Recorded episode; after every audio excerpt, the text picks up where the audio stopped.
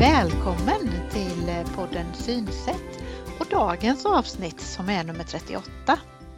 Här pratar vi om att det finns flera sätt att se på saker, att synen är olika och att ens synsätt kan variera. Vi som gör podden är Margareta Svensson och Eva Karlholt. Det är jag som är Margareta och jag är socionom och jobbar som kurator. Jo, och jag heter Eva och jag är ögonsjuksköterska och synpedagog. Och Maggan och jag vi jobbar på syncentralen i Jönköping. Och vi vill gärna att podden Synsätt ska ge dig som lyssnar kunskap på ett lättillgängligt sätt. Hoppas att du kan ha nytta av den och att du tycker om det vi vill ge information om olika synnedsättningar, om hur det kan vara att få en synnedsättning och hur det sedan kan vara att försöka att anpassa sig och lära sig att leva utifrån den förändrade situationen. I avsnitt 36 så gör vi en sammanfattning av vilka avsnitt i podden Synsätt som du kan ha särskild nytta av om du nyligen har fått en synnedsättning. Och i avsnitt 37 så gör vi en sammanfattning av vilka avsnitt i podden som vi särskilt rekommenderar dig med måttlig synnedsättning. Och nu så är det alltså nummer 38. Ja, och det stämmer. Och faktiskt är det så att i det här avsnittet så ska vi göra ännu en sammanfattning. Mm. Och den har vi tänkt att den ska rikta sig till dig som har en svår synnedsättning eller till dig som är blind. Vi vill i det här avsnittet rekommendera tidigare avsnitt som vi tror kan vara bra att lyssna på. Och Kanske är det nu någon som undrar över de här benämningarna svår synnedsättning och blindhet. Så jag tänkte Eva att du kanske skulle kunna börja med att berätta om Världshälsoorganisationens definition av de här begreppen. Ja, då börjar vi med svår synnedsättning. Och det innebär att personen ser mellan 0,05 och 0,1 som bäst på avstånd och med de bästa möjliga glasögonen på. Och det kan man ju då jämföra med att det krävs en synskärpa på 0,5 för att få köra bil. Om en person har stora synfältsskador och så har ett så kallat kikarsynfält då bedöms det också som att man har en svår synnedsättning. Och det betyder att man kan se bra i synfältet rakt fram kanske och till och med så bra syn som 1,0 vilket man brukar kalla för full syn. Men har man synfältsinskränkningar så är det begränsat runt omkring så att det blir som att man tittar igenom en toarulle eller en kikare eller kanske till och med enbart genom ett sugrör. Mm. Och när man då tar det här begreppet blindhet då är det när personen ser sämre än 0,05 det kan vara att man enbart uppfattar skillnaden mellan mörker och ljus eller inte uppfattar några synintryck alls. Så det där begreppet blindhet det har ju ett vidare eh, begrepp eller en vidare betydelse än man kanske tror. Mm. Det kan faktiskt vara bra att veta. Och I några av de första avsnitten i podden Synsätt, närmare bestämt i avsnitt 4 och 5, så ger vi en mer övergripande beskrivning av vad du kan få för hjälp från syncentralen just om du har en svår synnedsättning eller om du är blind.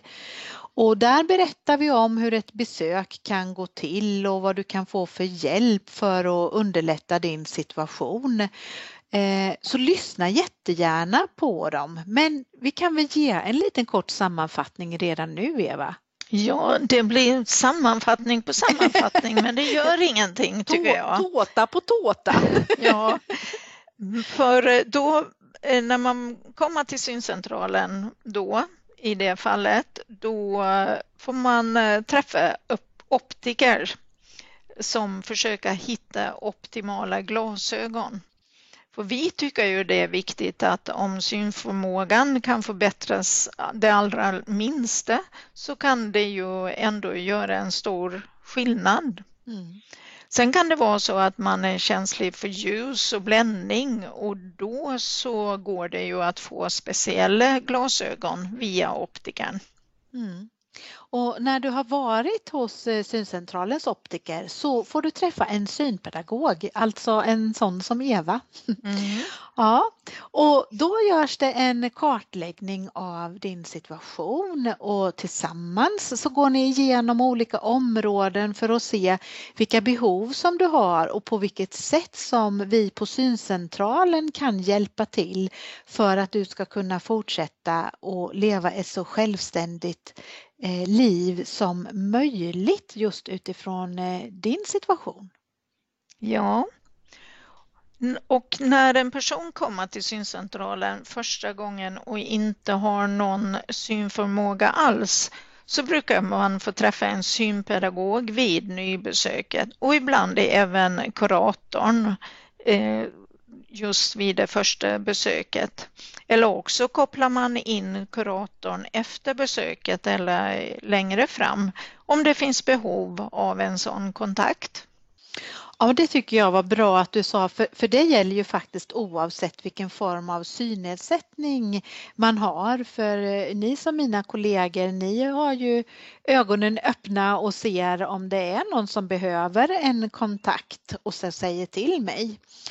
Och jag som kurator jag gör ju också en kartläggning och när vi träffas så pratar vi om olika livsområden för att komma fram till vilka behov som just du har och på vilket sätt som eh, jag skulle kunna hjälpa till att ge stöd. Och faktiskt är det så att vi har ett poddavsnitt som, som handlar om detta och det är nummer 14. Och där kan du lyssna mer på vilken roll som kuratorn har på syncentralen. Och när man har en synnedsättning så uppskattar en del att få samtala om sin situation, ja, kanske sitt mående eller sina tankar och känslor med någon som är utomstående, alltså någon som man inte har en så nära relation till. Och jag kan även hjälpa till att eh, informera om vilket stöd och vilka resurser det finns att få via samhället.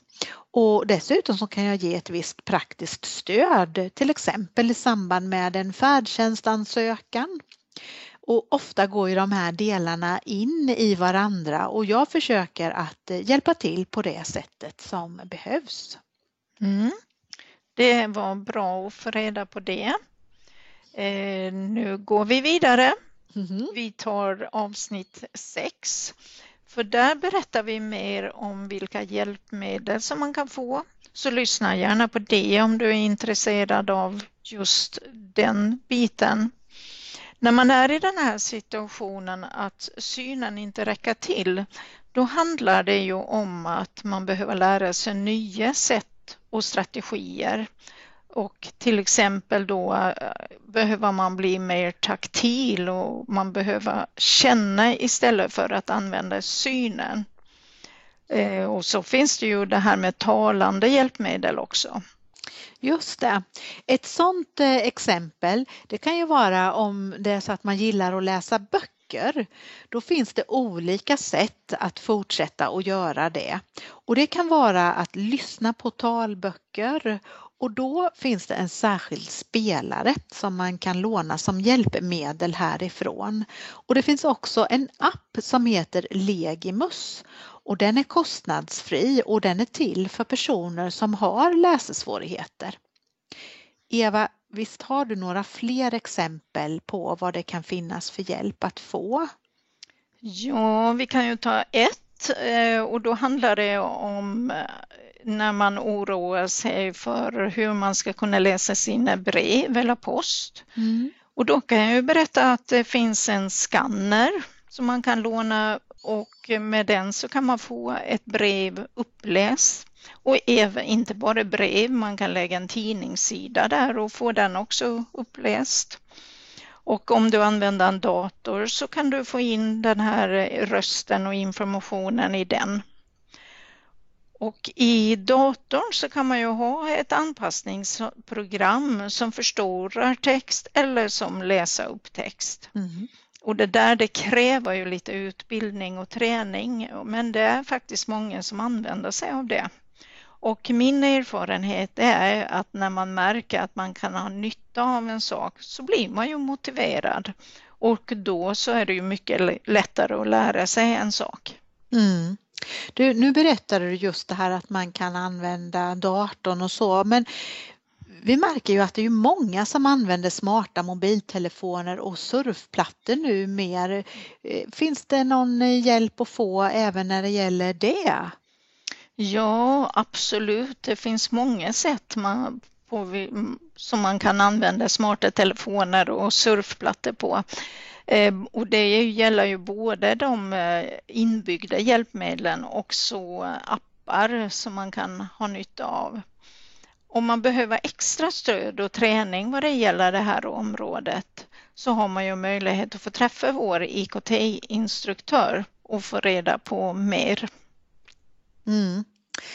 Du, jag tänker att vi får eh, fortsätta och eh, tipsa om eh, flera tips här nu och då har vi en rad avsnitt i av nummer 7 till 11. Och där kan du lyssna på olika tips och råd som kan underlätta för dig inom flera olika områden. Lyssna gärna och hör om det är några av dem som du kan ta till dig och ha nytta av. Och för många som vi träffar har vi förstått att det är jätteviktigt att man kan fortsätta att laga lite mat. Och just utifrån det så skulle jag gärna föreslå att du lyssnar på avsnitt 9 och 10. För de avsnitten innehåller flera bra saker att eh, tänka på och som vi tror kan underlätta. Och missa inte heller att lyssna på avsnitt 22 för där så träffar vi Sonja och jag intervjuar henne och hon berättar på ett mycket inspirerande sätt om hur hon gör för att klara av att laga mat trots att hon har en svår synnedsättning. Mm. Och när du har en svår synnedsättning eller är blind så är det ju väldigt viktigt att du kan gå och förflytta dig på ett säkert sätt. Och då rekommenderar vi ju förstås att du använder dig av en vit käpp så att du har möjlighet att känna av marken, om den är ojämn, om det är någon kant eller om det är något i vägen. Och det är ju även bra att visa omgivningen att din syn är nedsatt. För då blir du ju visad mer hänsyn och så får du säkert mer service av andra personer. Mm. Och i avsnitt 19 så berättar vi om olika vita käppar och hur man använder dem så lyssna gärna mer på det. Och vi har ju förstått utifrån eh, flera personer som vi möter att det känns väldigt jobbigt att ta det här eh, steget och börja använda en vit käpp och att det är det tar ofta lite tid, alltså det är en process fram till dess att man faktiskt kommer igång. Och i avsnitt 20 så beskriver Camilla hur det var för henne. För först ville hon inte alls använda en vit käpp och sen så där hon är nu idag så säger hon att jag klarar mig inte utan den vita käppen.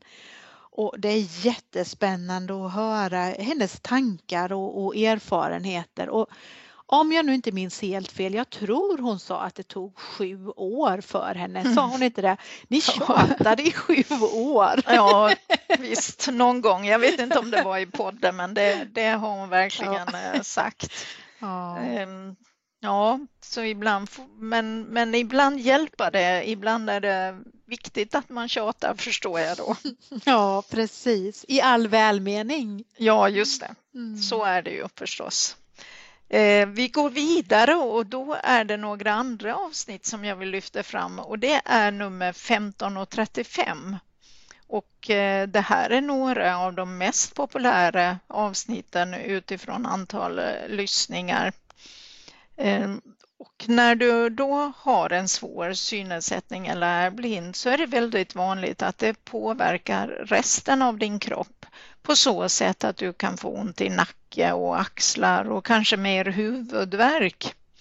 Och avsnitt 15 det handlar om det här så lyssna gärna på det. Och sen kan du gå vidare och så lyssna på avsnitt 35 det har rubriken spänningshuvudvärk, gam nacke, käpphand och ledarhundsaxel. Och där pratar ju du, Maggan, med sjukgymnast Stina mm. och hon ger tips om avspänning, ergonomi och träning på ett jättebra sätt tycker jag. Mm. Det är mycket lärorikt.